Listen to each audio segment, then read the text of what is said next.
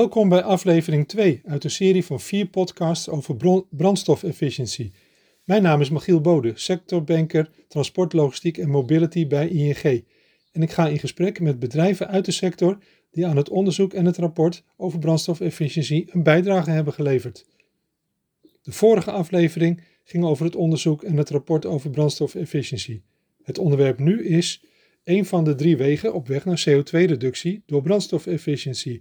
En dat is configuratie en samenstelling van materieel, de techniek van de zuinige truck. En dan gaan we nu door met uh, in gesprek met ondernemers uit de sector over uh, brandstofefficiëntie en CO2-reductie. CO2-reductie kan uh, door besparing van brandstof geregeld worden en is eigenlijk ook heel erg laagdrempelig. we onderscheiden drie verschillende wegen: zuinigere trucks, aanpassing van het rijgedrag en optimaliseren van planning en organisatie. In dit eerste deel gaan we het hebben over zuinigere trucks. Over aanpassing en configuratie van het materieel. En dat doen we met Michiel Bremmers van ING, Michiel Degen van Havi Logistics en Fernando Kuipers van Kuipers Neer. Michiel, mag ik jou vragen je even kort voor te stellen? Yes, dus ik eh, ben Michiel Degen, um, werkzaam bij Havi. Wij zijn uh, de huisvervoerder, zou je eigenlijk kunnen zeggen, maar beter gezegd uh, logistiek service provider van onder andere McDonald's, van KFC, van BP uh, en een aantal andere grote merken. Wat we daarvoor doen is uh, eigenlijk alles. Dus um, droog, uh, gekoelde waren en bevroren. Daarvoor hebben wij geconditioneerde trucks 26 door Nederland en België rijden. Oké, okay, dankjewel. Fernando. Mijn naam is Fernando Kuipers van Kuipers Neer. het bedrijf is in 1927 gestart. Wij hebben 40 trucks we vervoeren hoofdzakelijk volumeproducten zoals bouwmaterialen, uh, verpakkingsmaterialen. Uh, en wij doen dat ook door Nederland en Vlaams-België. Oké, heel goed. Dankjewel. Nou, Michiel, jij bent asset, asset manager trucks en trailers bij ING Lease. Um, eerst een beetje technische invalshoek voor jou. Wat is er eigenlijk mogelijk, technisch gezien, uh, qua aanpassing en configuratie van materieel van trucks en misschien ook wel van trailers? Ja, eigenlijk moet je dan eerst even heel basic een, eh, een, scheiding maken van wat kan ik doen met mijn keuze van nieuw materiaal en wat kan ik doen met mijn, uh, mijn huidige materiaal. Nou, als je dan kijkt vooral eerst even naar nieuw, dan zien we dat de tweede en derde generatie van de Euro 6 motoren dermate gunstige brandstofcijfers laten zien dat een vervangingsoptie daarin heel uh, populair voor de hand liggend kan, kan zijn. Deze voertuigen zijn uh, intelligenter geworden, efficiëntere aandrijflijnen, gewichtsreductie toegepast, aerodynamica uh, wat gunstiger is geworden.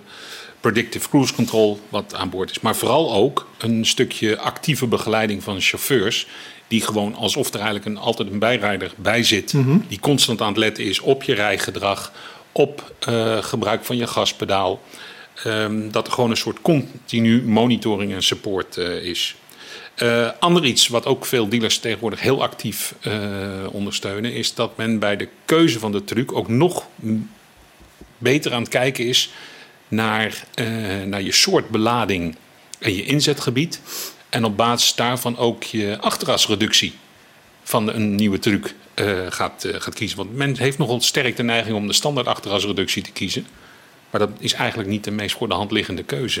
En dan moet je eigenlijk gaan, op zoek gaan naar een optimum tussen zo laag mogelijk toerental en toch een zo best mogelijke trekkracht uh, die je daarbij kan hebben.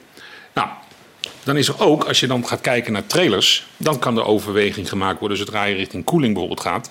Van joh, Maak gebruik van regeneratieassen, die daarmee dan energie opwekken, waarmee de elektrische koeling gekoeld kan worden. Maar denk ook aan de mogelijkheden die er nog steeds zijn uh, voor het gebruik van, uh, van eco-combi's. Nou, dat is even in een notendop. In een notendop, heel goed. Uh, Michiel, Degen, Michiel en Michiel. Hè? Jullie zitten alle twee aan dezelfde kant van de tafel. Als je maar goed kijkt. Als ik, maar goed, kijk, ja. als ik maar goed kijk, dan vind ik altijd de goede. Hoe kijk je daar vanuit het perspectief van Havi naar? Nou, van, er, er, is blijkbaar veel mogelijk uh, qua techniek. Is dat iets waar jullie uh, scherp op zijn? Ja, ik vind het mooi om, om, een aantal opties inderdaad over tafel te horen komen. En tegelijkertijd herken ik ook wel dat, dat, dat truckfabrikanten die komen met een deel, maar een stuk zal je ook echt wel zelf moeten doen. En je ziet dat er een heel aantal partijen in de markt daar heel actief mee bezig zijn. Ehm, zo'n truck koop je niet in zijn geheel. Dat, dat is altijd een samenwerking van verschillende partners. En dat betekent ook dat alle partners daarin een stukje bijdragen. Uh, wij rijden met uh, geïsoleerde trucks met koelmotoren. Dus je ziet vaak dat je een chassis krijgt van iemand. Je hebt een opbouw van iemand anders. Je hebt een koelinstallatie van nog iemand anders. En zo moet je dat samenbrengen. En, en daar uiteindelijk iets van maken waardoor je, waardoor je CO2 kan besparen. Of eigenlijk brandstof kan Brandstof, hè? daar begint het mee. Absoluut, absoluut. Uh, Fernando, hoe, hoe doen jullie dat bij Kuipers neer? Nou, wij hebben de derde Lean en Green Ster gehaald. Nog steeds zonder alternatieve brandstoffen. Eigenlijk door de inzet van nog grotere trucks. Ja. Uh, grote magazijnleveringen, grote leveringen met LZV's te doen. Uh, maar ook kijken naar die LZV's. Uh, we hebben standaard trucks 6x2 met een tweehassige aanhangwagen of een, of een oplegger in een LZV erachter. Maar de, de, auto's die echt puur en alleen pendelwerk doen in LZV's, daar hebben we gewoon maar een 4x2 truc voor. Omdat die isolatiemateriaal rijdt en geen gewicht. Mm uh, en dan, dat zie je toch ook terug in, in, in het brandstofverbruik. Ja, ja. In de toekomst zou ideaal zijn om daar super eco-combis in te kunnen zetten. Ja. Uh, om nog meer met diezelfde truc en diezelfde chauffeur te kunnen gaan doen. En, en, heb je enig idee hoeveel CO2 je daar nog weer een keertje overheen zou kunnen besparen? Of hoeveel minder brandstof dus eigenlijk? Uh, wij denken dat wij nog wel een, een 20% CO2 kunnen behalen door te pendelen met grotere trucks. Zo. Nou, dat zijn toch echt, zijn toch echte getallen, hè? En, en onderhand bereik zou je zeggen, als het mag of als het toegestaan is? Of... Technisch is het mogelijk, alleen ja, uh, het is nog net zoals bij de eerste LZV's, is ook voor de super LZV het zoeken naar ja, ja. hoe reageert het, overige verkeer erop ja. in ons kleine landje. Hè, maar ook Europese inzet van LZV's de richtlijnen in uh, verschillende landen worden ook verschillend gehanteerd. En het is nog steeds niet gemakkelijk om met een LZV naar het buitenland te gaan. Nee, nee klopt, klopt. Dat is heel duidelijk. Wat wij uh, tijdens ons onderzoek ook, uh, wat ons een beetje opviel, hè, en we zitten nu met twee ondernemers aan tafel die af en toe trucks bestellen, hè, was dat er, dat er gewoon ook gezegd werd, ja, we hebben zeg maar, Vecto hè, als, als maatstaf, um, maar er wordt zo weinig naar gevraagd. Uh, wanneer trucks besteld worden. Het is blijkbaar niet top of mind, tenminste de facto zelf niet. Hè? Uh, het, het, onderwerp van brandstofefficiëntie wel hè? En, en, en, hoe er gescoord wordt. Maar hoe doen jullie dat? Is dat Nou ja, wij gaan uit van onze eigen waarden. We, we, met de, de laatste vijf jaar hebben wij van een wagenpark van gemiddeld 11 jaar oud naar gemiddeld 3 jaar oud teruggegaan. We meten de waardes die onze chauffeurs halen middels onze boordcomputers. Uh, dat doen we enerzijds om een gedrag te verbeteren en anderzijds om te kijken van ja, wat is nou de beste truc? Uh, wij kunnen dat ook mooi vergelijken, want wij hebben LZV-routes waar gewoon auto's uh, achter elkaar aanrijden met een half uurtje tussenpauze. Ja.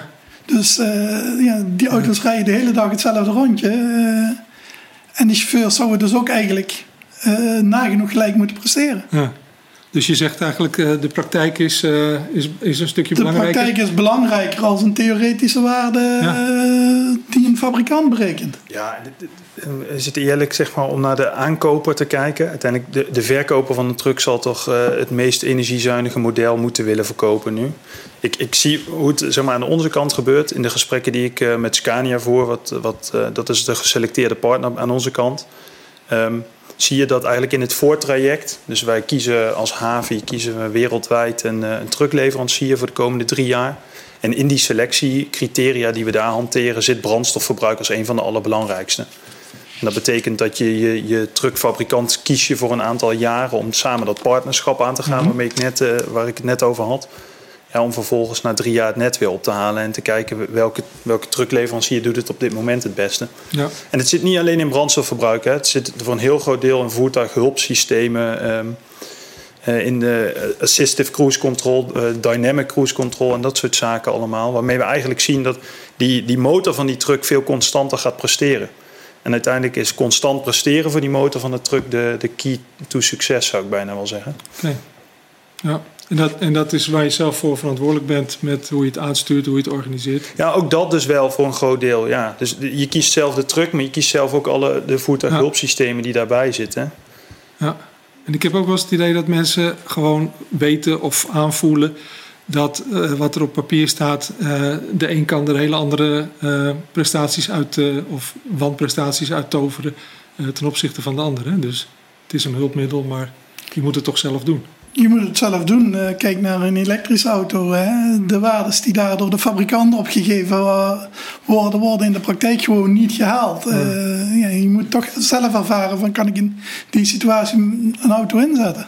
En wat we ook eh, zien is dat ook heel veel. eh, kijk, elk merk heeft in die zin zijn eigen methodiek, zijn eigen parameters. Maar er zijn ook transportbedrijven die er heel bewust voor kiezen: van luister eens, ik wil één meetsysteem hebben wat ik parallel door alle merken heen kan trekken. Dus dat wil eigenlijk zeggen dat men dan dus toepassingen gaat doen van een TMS-systeem of van een, eh, een boordcomputer, die gewoon uniform voor alle merken die men gebruikt ehm, meet. En dat Ja. betekent ook dat je op die manier dan een neutrale eh, methodiek hebt van brandstofvergelijk en, en gedrag erbij. Want het ene merk doet weer net misschien anders reageren met stilstand of stationair draaien. Of, daar zijn echt marginaal verschillen. En daar worden gewoon keuzes in gemaakt. En dat is ook bijvoorbeeld een van de methodieken die je kan toepassen. Wat je met je bestaande park kan, eh, kan doen. Helder, helder. Ja. Dankjewel.